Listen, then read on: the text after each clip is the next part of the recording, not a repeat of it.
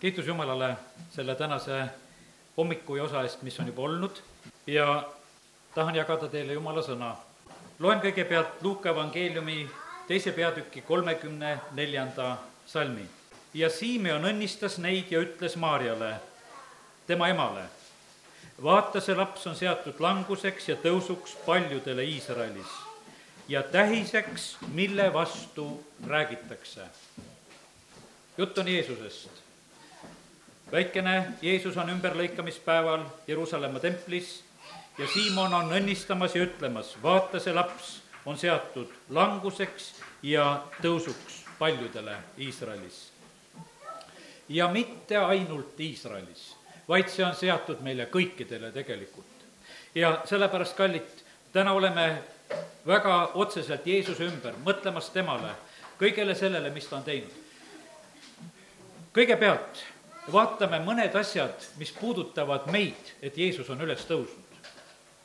ja loen mõned piiblikohad, kõigepealt esimese Peetruse üks kolm, kus on öeldud nõnda, kiidetud olgu Jumal, meie issanda Jeesuse Kristuse isa, kes oma suurest alastusest on meid uuesti sünnitanud elavaks lootuseks. Jeesuse Kristuse ülestõusmise läbi surnuist. Me oleme harjunud sellega, et me räägime, et püha vaim on, kes meid uuesti sünnitab, see on jumala vaimu töö. aga täna tahaksin tuua see, siia juurde väga selgelt selle, et see on nii oluline olnud, et Jeesus suri ja tõusis ülesse selleks, et meie võiksime olla need uuesti sündinud inimesed. et me saaksime selleks elavaks lootuseks Jeesuse Kristuse ülestõusmise läbi surnuist. esimese Peetruse kirja kolm kakskümmend üks, jätkan ka veel. selle võrdkujuna päästab teidki nüüd ristimine, mis ei ole lihaliku rüvetuse kõrvaldamine, vaid hea südametunnistuse taotlemine Jumalalt Jeesuse Kristuse ülestõusmise kaudu. siin on juttu ristimisest ja ristimise juures me tuletame vahest meelde seda, seda pilti, et nagu Paulus õpetab, et ristimine on mahamatmine ja, ja sealt veest ülestõstmine on ülestõusmine uuele elule. ja sellepärast ka ristimise mõtte juures siin Peetrus tuletab meelde, ütleb seda, et, et see on meie hea südametunnistuse nõudmine, taotlemine Jumalat Jeesuse Kristuse ülestõusmise kaudu. see on meie võimalus et äh, Jeesus on surmast läbi läinud ja on üles tõusnud ja selle tõttu on meile see võimalus kingitud. jätkame neid asju, mis otseselt puudutavad meid. ühte seda kirja kohta täna juba Raido luges meile ja see on Ehvesuse kirja üks kaheksateist, äh, ma hakkan pihta. valgustades teie südamesilmi, nii et igaüks meist, meie südametel on silmad ja jumal tahab valgustada meie südamesilmi, et te teaksite, milline lootus on tema kutsumises milline on tema pärandi kirkuse rikkus pühade sees. jumal tahab ilmutada meile seda, et, et midagi väga suurt pärandit ja rikkust on pühade jaoks olemas, et me seda teaksime. ja milline on tema vähevõrratu suurus meie heaks, kes me usume tema tugevuse jõu mõjul. kui see sai tegevaks Kristuses, kui ta tema üles äratas surnuist ja pani istuma oma paremale käele taevas ja Jeesuse surnuist ülesäratamine, see oli nagu see starter selle asja juures, siis see käivitati. Jeesus on hoopis teine Jeesus äh, enne oma surma ja ülestõusmist ja pärast seda.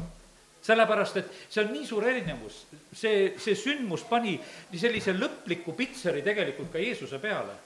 me tuleme selle juurde, sest Jeesust hakati hüüdma hoopis uue nimega, ta on tapetud talv ja, ja meie nimed on kus kohas talle eluraamatus, ma tulen nagu sinna juurde. sellepärast, et kui Jeesus ei oleks olnud Kolgata ristil suremas, jah, ta oli jumala poeg, kes saadeti siia maailma väga kindla missiooniga. ja, ja nüüd, kui ta Kolgata ristil sureb ja kui ta üles tõuseb, siis Apostel Paulus kirjutab, ütleb, et see sai tegevaks, see hakkas kehtima, see, noh, see tuli lihtsalt esile, kui ta üles äratas Jeesuse surnuist ja pani ta istuma oma paremale käele taevas. ja meie jaoks said kehtima need asjad, meie südamesilmi valgustatakse, meil on pärand, meid on kutsutud, see võrratu vägi on meie heaks, kes me usume. Ja kõik selle jumala jõutugevuse mõjul need asjad on toimimas. Apostel Paulus, kellel olid väga suured ilmutused Kristusest, ta ütleb seda, et ma püüan ära tunda teda ja tema ülestõusmise väge ma püüan ära tunda teda ja tema ülestõusmise väge. ja sellepärast täna tahaksin tõmmata kaasa, kes me siin oleme. püüa ära tunda teda, see tähendab Jeesust Kristust ja tema ülestõusmise väge. olgu see ülim püüd meie jaoks ka tänasel hommikul, kui me oleme siin koos, sest selles on nii palju. ära tunda tema kannatusosadus ja saades tema surma sarnaseks. Apostel Paulus räägib eh, neid mõtteid väga sügavalt mida see tähendab ära tunda? see tähendab teada, tunda, märgata, tunnustada et eh, need asjad me, meie jaoks leiavad nagu sellise väga, eh, väga sellise olulise koha ja ära tunda seda ülestõusmise väge.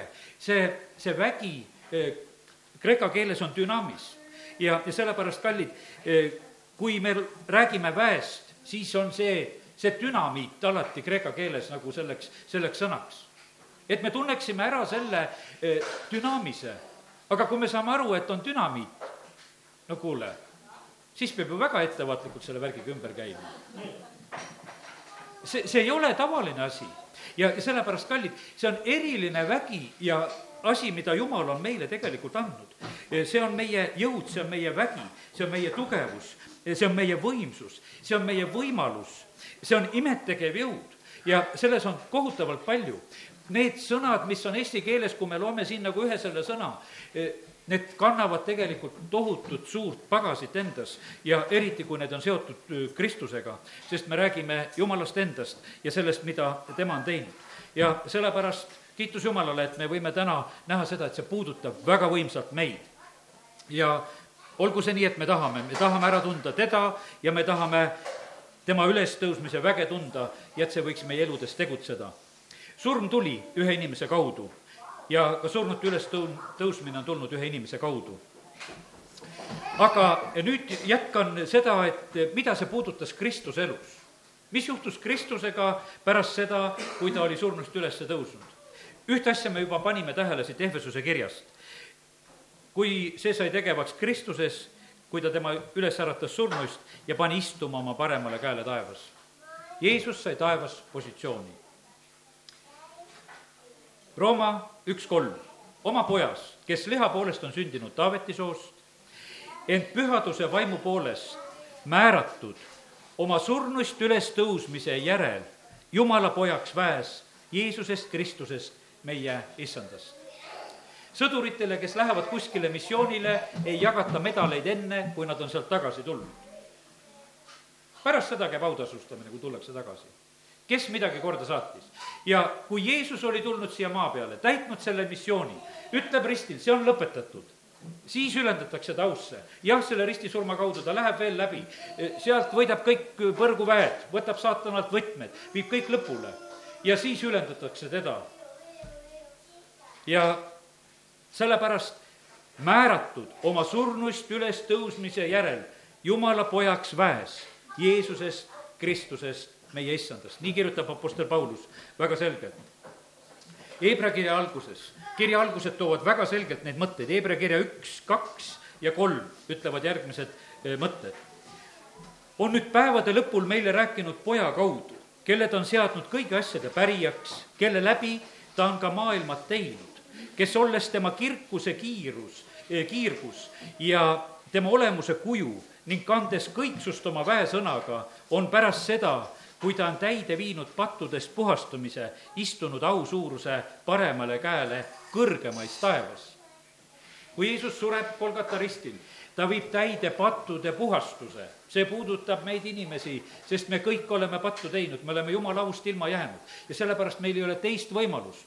ja Hebra kiri algab ja ütleb, räägib seda mõtet, et Jeesus sai au suuruse paremale käele kõrgemas taevas siis, kui ta oli läbi viinud selle pattude puhastuse ja kiitus Jumalale selle eest, et see on tehtud meie kõikide eest.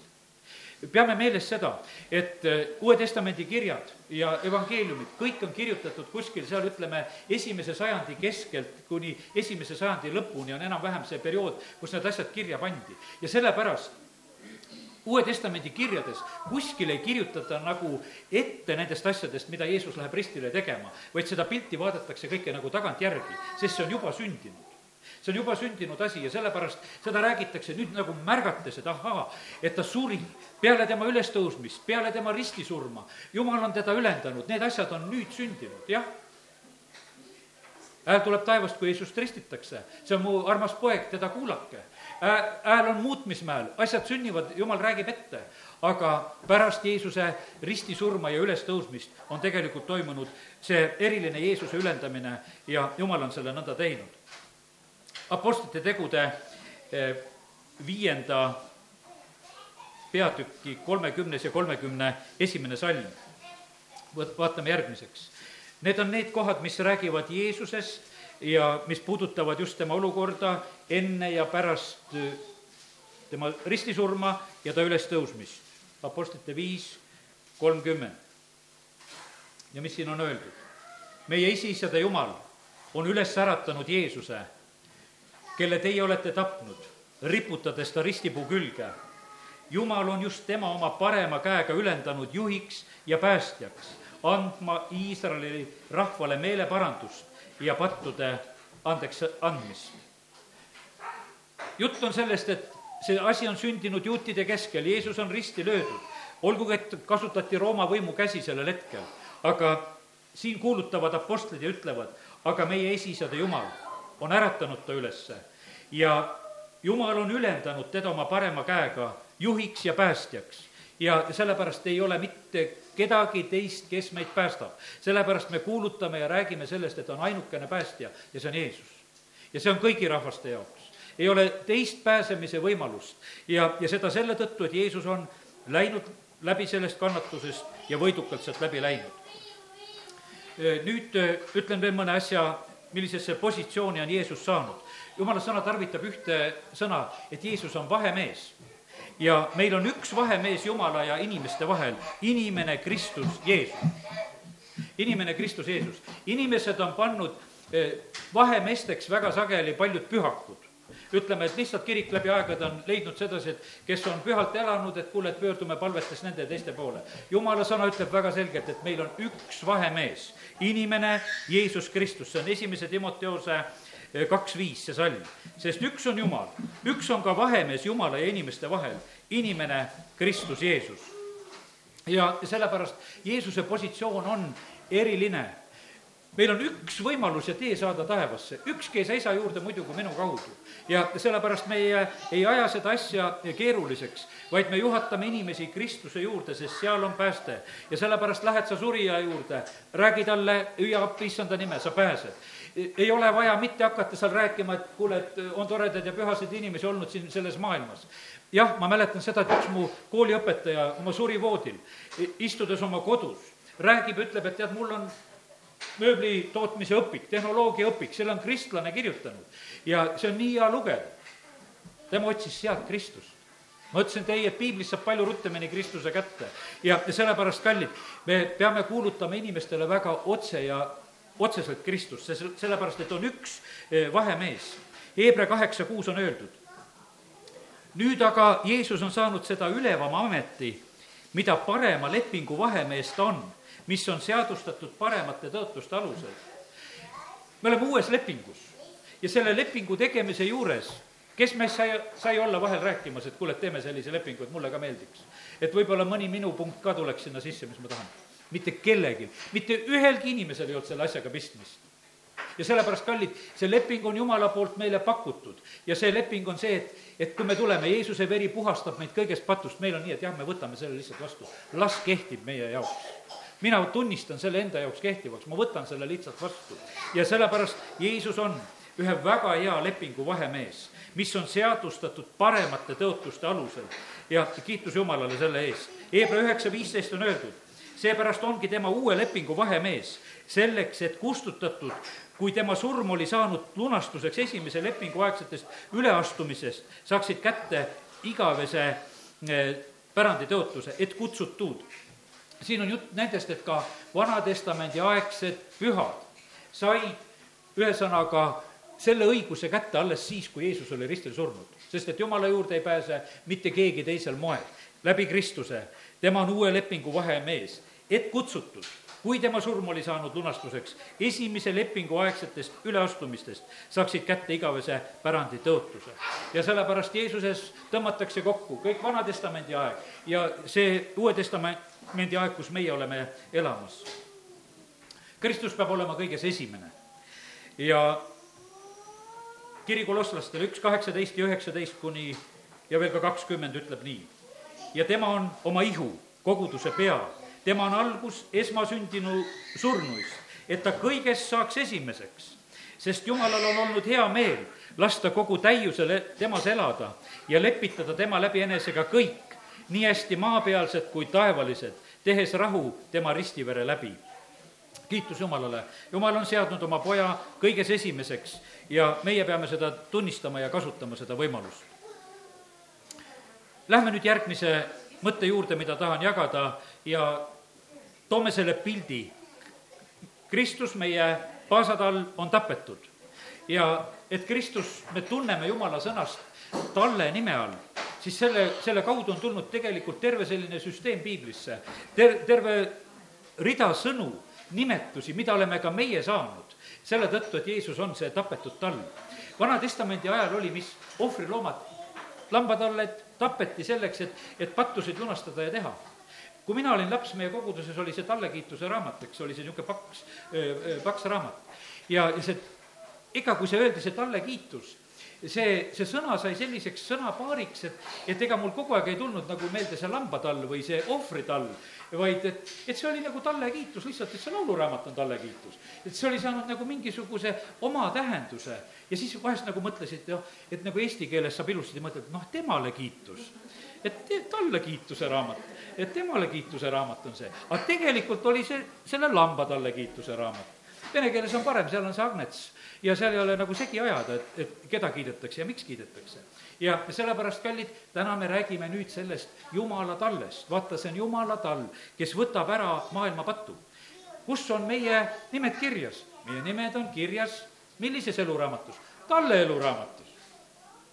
aga sellele raamatule ei saanud ennem panna seda nime, et see on talle eluraamat, kui see tall oli surnud ja sellepärast teda tuntakse taevas kui tapetud talle ja meie nimed on talle eluraamatus Need ei ole ükstapuha millises eluraamatus.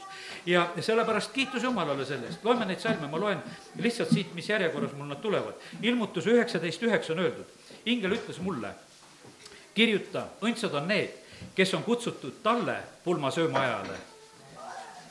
ta ütles mulle, need on Jumala tõelised sõnad.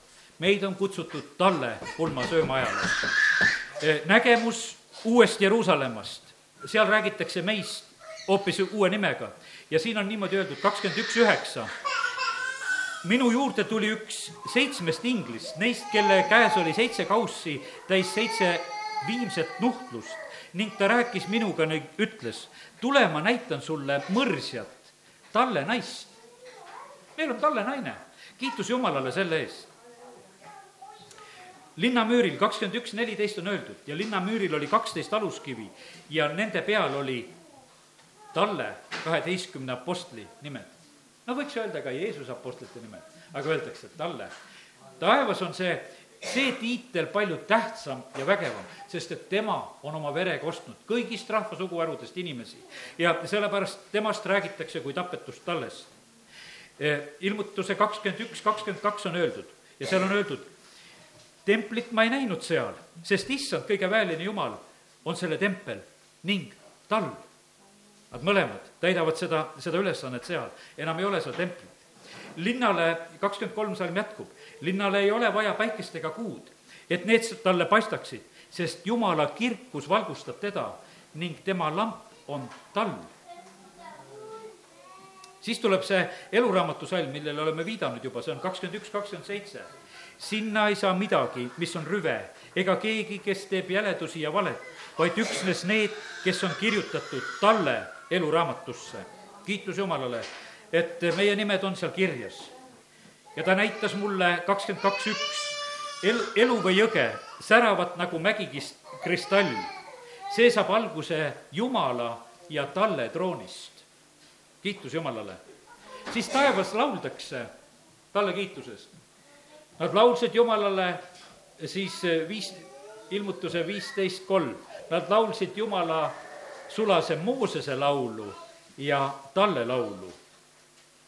suured ja imelised on sinu teod, issand Jumal, kõige väeline, õiged ja tõelised on sinu teed, sa paganate kuningas. kiitus Jumalale ilmutuse raamat räägib sellest, et, et hakatakse sõdima tallega, aga tal võidab nad ära, see on ilmutuse seitseteist, neliteist. Sest tema on isandate isand, kuningate kuningas ja koos temaga võidavad need, kes on kutsutud, valitud ja ustavad. selleks peavad olema meie rüüd tehtud, olema puhtaks, talle veres. ja tal on vastu võtma väärt kiitust, väge rikkust ja tarkust, võimu ja au ja õnnistust. nii, lõpetan need talle mõtted praegusel hetkel siin. Aga nüüd jätkan veel mõne asjaga, mis on väga oluline ja tähtis. Jeesuse surma fakt oli tegelikult väga tähtis asi, et, et see oleks sündinud. lugesime siin suurel reedel Hebra kirja üheksandat peatükki, testament hakkab kehtima peale testamendi tegija surma, surm peab olema tõestatud, teisiti see võimalik ei ole. Jeesuse surm oli väga oluline, et see sündis. Talle torgatakse piigiga ta külje sisse, vesi ja veri tulevad välja, ta on surnud, tema luid ei murta, teiste eh, risti löödute jalaluud murtakse ja võetakse nõnda ristilt maha. Jeesus oli juba surnud, talle antakse luba matmiseks, ka matmine toimus. ja sellepärast Jeesus suri, see ei olnud mitte mingisugune varjusurm, see oli surm, mis surm ta sai esimeseks surnust üles tõusnute seast. Ja, ja sellepärast me peame seda mõistma, et see on niivõrd oluline, tähtis asi, et Jeesus on surnud ja ta on üles tõusnud. Apostel Paulus kirjutab esimesel sajandil seal esimese Korintuse kirja viieteistkümnes peatükis. kui see nii ei oleks olnud, kui Kristus poleks olnud surnud ja üles tõusnud, siis meie jutt ja jutlus oleks tühine. me oleksime kõige armetumad inimesed maailmas, kes olla saavad, aga täna me oleme võitjad ja me lugesime, me tunnistasime selle peatüki lõpusalmi, et meile antakse seda võitu sealt ja sellepärast on, aga selle tõttu, et Kristus on võitnud, et ta suri, ta läks surmast läbi, ta tõusis ülesse. Ja, ja see on meie võidu aluseks. Kirjutatud on, et, et Messias pidi kannatama. see oli ülestõusmise päeva õhtul, Luuka evangeelium kakskümmend neli, nelikümmend viis, kui need kaks Emmause jüngrit lähevad seal Emmause teel, nii nagu me neid tunneme.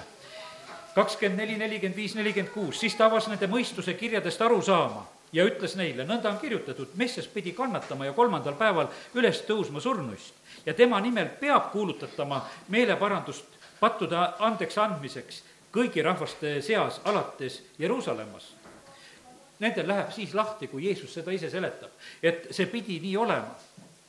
ja kui Apostlite tegude raamat algab, siis esimene asi, mis seal lahendatakse suhteliselt ära, on see, et üks peab juuda asemel saama ülestõusmise tunnistajaks kes oleks koos meiega olnud nendest aegadest, kui issand meie juures käis sisse ja välja ja nad leiavad selle asenduse ja keegi pidi saama ja täitma selle ülestõusmise tunnistaja koha. kui Pau-, Peetrus on nelipühapäeval kuulutamas Jeruusalemmas, kui jumala vaim on juba välja valatud, siis Apostlite teod kaks kakskümmend neli on öeldud, aga jumal on tema üles äratanud päästes ta surmavaludest, seepärast et surmal ei olnud väge teda pidada oma võimuses. siis ja kolmkümmend üks salm, siis ta nägi ette ning rääkis messi ülestõusmisest, et teda ei jäeta surmavalda ega näe ta liha kõdunemist. ja kolmkümmend kaks salm sealt, sellesama Jeesus on Jumal üles äratunud surnust. meie kõik oleme selle tunnistajad ja see oli väga tähtis selline sõnum, mida kuulutati ja räägiti, et Jeesus on surnust üles tõusnud. sest paralleelselt levis ju sellel esimesel sajandil see asi, et Jeesuse jüngrid varastasid Jeesuse ära, peitsid ta kuskil ära, tegelikult ta pole midagi üles tõusnud ja väga tähtis oli see, et Jeesus on üles tõusnud. Jeesus ilmus peale oma ülestõusmist enam kui viiesajale vennale ühe korraga Galileas. Need, need faktid olid tähtsad, ta ei näidanud ennast mitte ühelegi oma vaenlasele kõik, sest et kõik peavad tulema usu kaudu Jumala juurde. oma eh, seda uskmatut Toomast ainult oli Jeesus valmis, et hea küll, katsu mind, et ma olen üles tõusnud. ja ütles ikkagi, kuule, et õndsad on need, kes usuvad ja ei näe ja, ja sellepärast Jumal ei ole andnud ühelegi siin selles maailmas seda võimalust, et ilma usuta kuidagi tema juurde tulla. võimatu on olla Jumalale meelepärane. ta, Jeesus ilmus ainult nendele, kes teda armastasid ja kes temasse juba uskusid sellepärast et ta ei tulnud mingisugust eh, asja nagu muutma, sest see pidi kehtima jääma. et ainukene tee on Jumala juurde tulekuks eh, se-, sedakaudu, et me usume. Need inimesed uskusid ennem Jeesuse ristilöömist juba seda, et ta on Messias ja päästja. ja, ja sellel, nendele inimestele Jeesus oli valmis il-, ilmuma. ja sellepärast kiitus Jumalale, et, et meie võime olla ka need, kes me usume. aga kõik ei usu sellel suurel nädalal olid saduserid, kes tulid. saduserid olid konkreetne rahvas, kes olid väga praktilised ja nad ei uskunud mingisugust surnutest üles, ülestõusmist. ja nad tulevad Jeesuse juurde küsimusega ja nad püüavad Jeesust väl-, välja naerda oma looga, mis nad välja mõtlesid ja rääkisid, et oli üks naine, kes oli seitsmele vennale olnud naiseks ja kõik vennad muudkui järjest surevad ja siis sureb ka see naine, kelle naiseks ta siis ülestõusmises saab. ja Jeesus ütleb selle peale nendele, te eksite kuna te ei tunne pühikirju ja jumala väge. me täna algasime sellega, et me tunnistasime seda, et me tahame tunda pühakirja ja me tahame tunda jumala väge. me tahame tunda pühakirja, me tahame jumala väge. ja, ja sellepärast see on nii tähtis. apostlid eh, tunnistasid, see on Apostlite teod neli, kolmkümmend kolm. Eh, nad tunnistasid suure väega Jeesuse ülestõusmist ja, ja jumala suur arm oli tegelikult selle juures tegutsemas. peatume korraks selle salmi juures. neli kolmkümmend kolm Apostlite teod, kuidas on öeldud? ja apostlid tunnistasid suure väega issanda Jeesuse ülestõusmist ja suur arm oli nende kõikide peal. räägime nüüd natuke kreeka keeles seda salmi. apostlid tunnistasid megadünaamist. see, see megadünaamis, meile tuttavad sõnad. Nad tunnistasid seda megadünaamist ja, ja megaharis, see väga suur arv oli nendega. mõista seda, mis tegelikult oli. Nemad lähevad välja ja ütlevad seda ja tunnistavad ja räägivad sellest megadünaamisest ja nad tunnistavad e, seda ülestõusmist ja mis, kuidas on ülestõusmine kreeka keeles, see on see anastasis. see, ütleme, see üks laev pandi nimeks, ühele laevale pandi see nime, nimi apostlid tunnistasid eh, siis megadünaamist ja seda Jeesuse anastasist ja, ja siis oli megaharis nendega. nii et tegelikult on vahest hea, löö lahti internetis kreekakeelne asi. ütleme, selles Blue Letter Bible'is saad isegi sõnade hääldust kuulata, vajutad peale, üteldakse neid sõnu sulle kreeka keeles, et nad kõlaksid su kõrva. ja ma usun, et sa saad seda megadünaamist veel lihtsalt juurde, kui sa sellega kaasa lähed ja, ja vastu võtad. kiitus Jumalale selle eest Paulus, eh, kui ta on kuningatele, tema pidi minema keisri ja kuninga ette kuulutama ja rääkima. mida ta räägib, ta räägib Jeesuse ülestõusmist. kuningas Agrippa hakkab selle peale naerma, ütleb kuule, ja, ütleb, et kuule, et varsti vist saaksin küll usklikuks, aga inimesed ei taha neid asju päris vastu võtta. aga Apostlite teod seitseteist, ma paar kohta loen, kuidas Paulus tunnistab. ja seitseteist kolm ja, ja kaheksateist kakskümmend kaheksa ka selgitades ja tõestades, et Messias pidi kannatama ja surnust üles tõusma. tema ongi Messias, see Jeesus, keda mina teile kuulutan. ja kaheksateist kakskümmend kaheksa on öeldud, ta kummutas osavalt juutide väited, näidates avalikult pühast kirjast, et Jeesus on Messias. ja nii, nagu täna algasime ja lugesime selle Simeoni õnnistuse sõna, kus ta ütleb prohvetlikult välja, vaata, see laps on seatud languseks ja tõusuks paljudele Iisraelis ja tähiseks, mille vastu räägitakse. täna on see aeg meie käes. meie juhid, nii nagu reedel ütlesime ka, nad ei saa aru, kellele nad vastu panevad. Nad ei saa aru, kui nad neid seadusi vastu võtavad. see on tähiseks täna on siin nimetatud, et eh, Läti ja Leedu tahavad teha paremaid otsuseid, kui Eesti teeb. Aga tegelikult on see jumala sõna vastuhakkamine, see on, see on issanda vastuvõtmine või tema äratõukamine ja sellepärast nii see on siin selles maailmas see on see komistuskivi jumal on pannud selle komistuskivi siia sellesse maailma. see komistuskivi on siin selles maailmas Iisraeli näol. kui palju kergem ja lihtsam oleks kogu maailmal, kui palju kergem ja lihtsam oleks ÜRO-l, kui Iisraeli ei oleks. aga ta on, sest et Jumal on ta esile kutsunud see on oma alguse saanud. kui palju lihtsam oleks, et Jeruusalemma ei oleks, et et see on meie jaoks probleem, kuidas seda linna jagada, kellele ta peab kuuluma, kas palestiinlastele või juutidele. selle ümber on pidev tegevus, aga Sakarja kirja kaksteist kolm on öeldud eh, Vanas Testamendis siis, ja sel päeval ma teen Jeruusalemma tõstekiviks kõigile rahvale, et kõik, kes seda tõstavad, rebestavad endid ja kõik maapaganad kogunevad tema vastu. Jumal on teinud lihtsalt ühe kivi mille vastu tegelikult äh, kõik põrkuvad.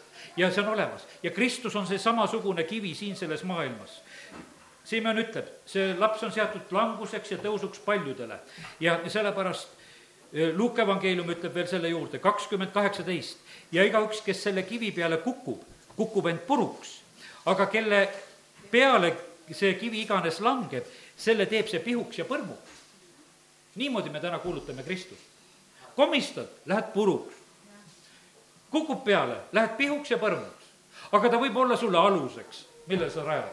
ja Mattiuse evangeeliumis on öeldud, ja kõik, kes vastu võtsid ta sõna, Need rajavad oma elu kaljule, tuuled ja tormid tulevad, need ei puhu mitte kuskile, Apostel Paulus kirjutab ja räägib, ütleb, et, et see on alus ja teist alust ei ole võimalikki panna. ja, ja sellepärast, kallid, täna on meie võimalus Kristusega ainult nii, kas võtame endale aluseks või komistame otsa ja purustame ennast pihuks ja põrmuks.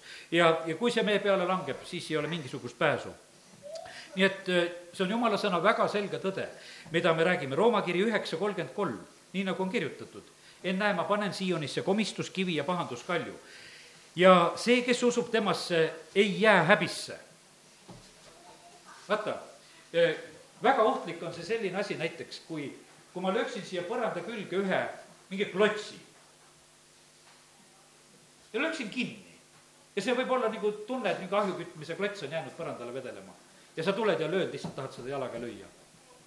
aga kui see on kinni pandud, siis sa lööd oma varbad ära sest sa ei, nagu ei arva seda, et, et no milleks siin niisugune komistuskivi on pandud, eks. aga jumal on teinud selle, see tundub selline, et noh, et et see justkui ei oleks niimoodi, et me võime selle Jeesuse nagu kuidagi ära pühkida. me võime selle jumala sõna kuidagi ära pühkida. ja nad ei teagi seda, et see on see komistuskiviks pandud. et see Jeruusalemm on pandud ja, ja et noh, et me võime nagu seda lüüa. Nad ei teagi seda, et see on see komistuskiviks on pandud.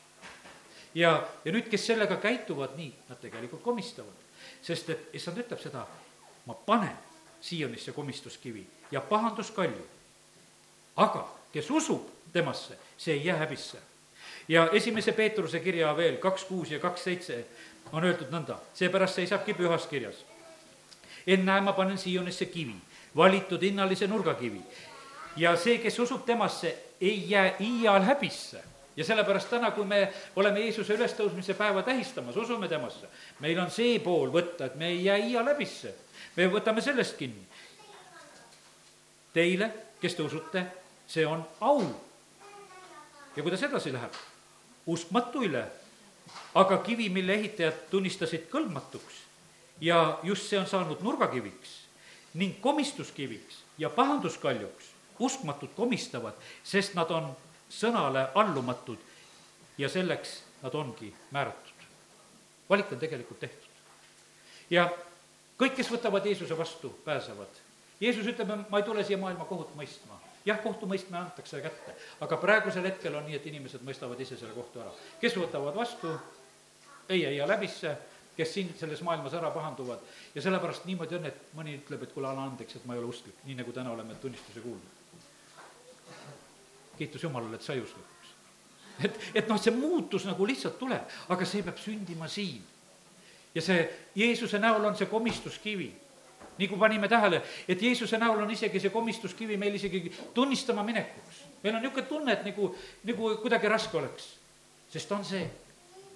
aga kui me hüppame sellele kivile peale ja läheme, siis me näeme, et evangeeliumis on vägi päästeks ja asi toimib ja sellepärast me ei tohi ise ka selle otsa mitte mingil moel komistada. see võib olla vahest keeruline ja raske, eh, kuidas ka tunnistama minna. aga kiitus Jumalale, et, et Jumal on selle kõik teinud. kui Jeesus sureb ristil, ta juures on kaks kurjategijat. üks, ütleb Jeesus, mõtle mu peale, täna pead minuga paradiisis olema. teine komistab koos kõigi teistega Jeesuse otsa. Jeruusalemm komistas põhimõtteliselt kõik sinna otsa vähe oli neid, kes sellel hetkel jäid Jeesusele ustavaks ja uskusid. ja, ja nad ei saanud aru, et tegelikult see oli see tund ja see hetk, kus tegelikult nad olid kaalu peal. ja, sellepärast, kallid, nii see on meie elus ka. et äh, meie elus käivad üle need katsumuse tunnid ja hetked. ja millisel moel nad meie ellu veel tulevad ka praegusel ajal, jumal seda teab. on aeg, kus äh, püha läheb pühamaks ja kuri läheb kurjemaks. ja, ja sellepärast ei, me ka selle vastu ei saa. see on ka jumala sõna kuri läheb kurjemaks ja püha peab minema pühamaks. ja see eraldumine tegelikult läheb suuremaks. ja sellepärast saagu need asjad selgemaks ja, ja see, olgu see nõnda, et, et meie ikkagi megadünaamisega tunnistame issanda Jeesuse ülestõusmist ja siis on see megaharis, see suur arv meie kõikidega, aamen. tõuseme ja oleme palves. taevane isa, me täname sind selle tänase hommiku eest. Me täname sind, Jumal, et, et kõige selle keskel, mis on täna siin selles ruumis olnud, siin on olnud lastehääli, kilkeid, kõike seda, oled sina oma vaimu läbi jaganud oma sõna ja rääkinud meiega. Jumal, me oleme rääkinud täna väga suurtest asjadest. me oleme rääkinud nendest nii suurtest õnnistustest, mis on saanud osaks meile Jeesuse surma ja ülestõusmise kaudu jumal, ma palun, et see ilmutus väga võimsalt läheks meie südametesse. isa, ma tänan sind, et me oleme täna võinud rääkida sinu pojast kui tapetud tallest. me täname sind, et meid kutsutakse talle pruudiks, et meie nimed on talle eluraamatus et talle pulmad on tulemas, jumal, me täname, kiidame, ülistame sind, et selle sündmuse kaudu oleme meie saanud ka ühe uue nime. ja isa, me täname, kiidame, ülistame sind ja me tunneme rõõmu selle üle, mida Jeesus on teinud.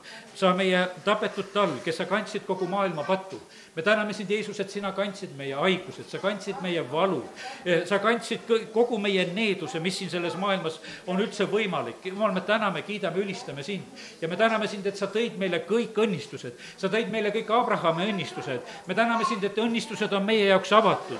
me täname sind, et võidud on meie jaoks avatud. me täname sind, Jumal, et me võime käia selles võidukäigus kaasa. isa, kiitus ja tänu ja ülistus sulle. ja kallis püha vaim, ma palun praegusel hetkel, et seda armu, et kurat ei saaks ära röövida seda, mida Jumal on tänasel hommikul tahtnud meie südametesse panna. ma palun, et see võiks kanda väga võimsalt vilja igalühel, kes me oleme. isa, kiitus ja tänu ja ülistus sulle Jeesuse nimel, amin